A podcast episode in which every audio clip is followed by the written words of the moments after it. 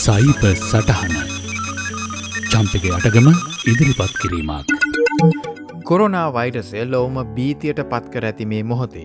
රටවල් එකසිය දහනමයකට අධික භූගෝලිය වපසරියක් තුළ. ලොවැසියන් එක්ලක්ෂ දහට දාහකට අධිකව මේ වන විට රෝගය වැලදී තිබෙනවා. මරණ සංඛ්‍යාව හාරදාස්තුන්සියක්. ඔස්ට්‍රලියාවේ රෝගය වැළඳුණු බවට තහවුරු පුද්ගලයන් සංඛ්‍යාව එකසිය විසිහය පසු කළේ පසුගියදා. තත්ත්ව තවත් උත්සන්න විය හැකි බවට අනතුරුවන්ගවන ඔස්ට්‍රේලයානු වික්ටෝරයානු රජය මාර්තු එකොලොස්වනිදා COොVID-19 පැන්ඩමික් ප්ලෑන් වැඩ පිළිවෙල එලි දැක්වූවා. ඒට මුහුණ දෙන්නට සූදානම්වීමේ අවශ්‍යතාවය මත මෙය එලි දැක්වූ බව. වික්ටෝරයානු අග්‍රාමාත්‍ය ටැනියල් ඇන්ඩරුස් තම ෆේස්බුක් ගිනු මහරහා ප්‍රකාශ කර තිබුණා. කොරෝනා වෛරස් ඩිසිස් 2019 යන කෙටිවීමෙන් COොVID-19 යන විද්‍යාත්මක නාමයට ලැබී තියෙනවා. නමුත් මම අද කතා කරන්න යන්නේ මේ රෝගය ගැන නොවේ. සයිබ අවකාශය මේ රෝගතත්වෙන් නිම වූ කලබොලට සිසිල් පොද වැස්සක සැනසීමක් ගෙන අයුරු ගැන. අද මම කතා කරන්නේ වර්කින් ෆ්‍රම් හෝම් කියන ප්‍රවණතාවේ නැගුම ගැන. වර්කින් ෆ්‍රම් හෝම් කියන්නේ අලුත් සංකල්පයක් නොවේ. පරිගණකයක් ආශ්‍රිතව රැකියාවෙන් නියුතු වෙන අයට කාර්යාලයට නොපැමිණ අන්තර්ජාලය හරහා බොහොවිට වර්චුවල් ප්‍රයිවට් නෙට්වක ගැනේ VPN සම්බන්ධාවයක් කරා සේවාස්ථානය ජාලයට සම්බන්ධ වී වැඩ කටයුතු කිරීමේ වරප්‍රසාදය මේ නමින් හැඳින් වෙනවා. බොහෝ සේවාස්ථානවලින් එක් එක් පුද්ගල අවශ්‍යතාවය මත විශේෂ අවසරයක් මත තමයි මේ පහසුකම සාමාන්‍යයෙන් ලබා දෙන්නේ. නමුත් කොරෝනා වෛරසය මේ තත්ත්වය වෙනස් කළේ එක රැයින්. අද වෙන විට ලෝපුරා සෑම විශාල ආයතනයක්ම පාහේ. පරිගණක හරහා ජාලගත වෙන තමන්ගේ ශ්‍රම බලකායට නිවසේ සිට වැඩ කරන්නට අනුබල දෙනවා. ඒ සමගම ගුවන් ගමන් අනතුරුදායක රටවලට ගමන් කිරීම් සීමකොට රැස්වීමාදිය වීඩියෝ කන්ෆරන්සිං අන්තර්ජාල තාක්ෂණය හරහා කරන්නට වැඩි වැඩියෙන් උනන්දු කරනවා මේ දිනවල දක්නට ලැබෙනවා.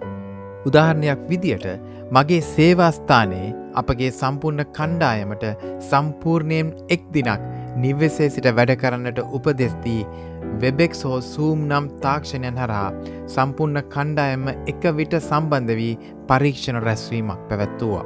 මේ වන විටත් ලොව තාක්ෂණික ලොව දැවන්තයන් වෙන Google, Apple, Amazon, Twitter වැනි සමාගම්වල ලෝවටා සිටින තම සේවකයන්ට මෙලෙසින් වර්කින් ෆ්‍රම් හෝම් හරහා වැඩ කරන්නට නියම කර තියෙනවා.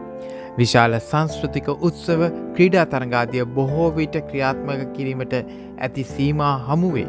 Facebook, Live, YouTube broadcast, Google Hangout, Apple FaceTime වගේ තාක්ෂණයන් හරහා අපට වැඩි වැඩියෙන් ඒවා ඉදිරියේදී නැරඹීමට සිදුවෙන බවට අනුමාන කළ හැකි. දැන්ටමත් විශ්වවිද්‍යාල අන්තර්ජාතික ශිෂ්‍යයන් වෙනුවෙන් මුල් සති දෙක පාටමාලා පවත්වන්නේ අන්තර්ජාලය හරහා පමණයි. මා දන්නා එක් පාසලක බදා දවස හඳුන්වන්නේ ඩිජිටල් ඩිලිවරිටේ නමින්.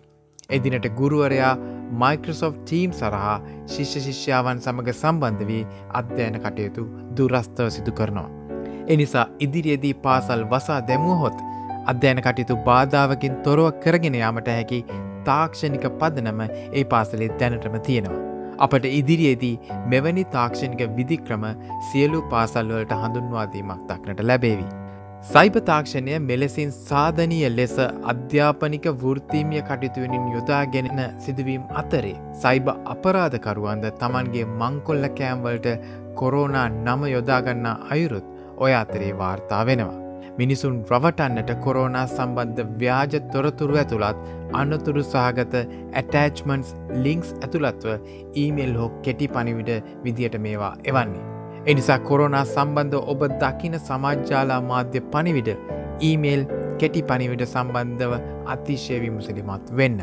රජයේ හෝ වෙනත් විශ්වාසදායි මාධ්‍ය මත පමණක් තොරතුරු වෙනුවෙන් යැපීම වඩා යෝග්‍යයි.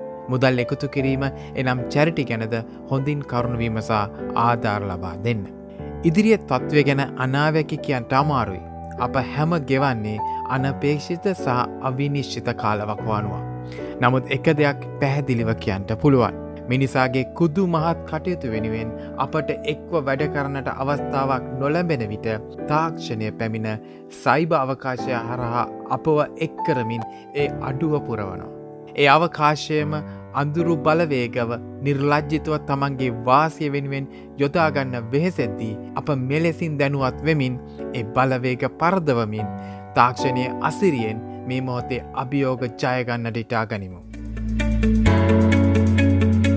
අදත් ඔබට සයිව සටහනගෙනා මම චම්පික ඇටගම්.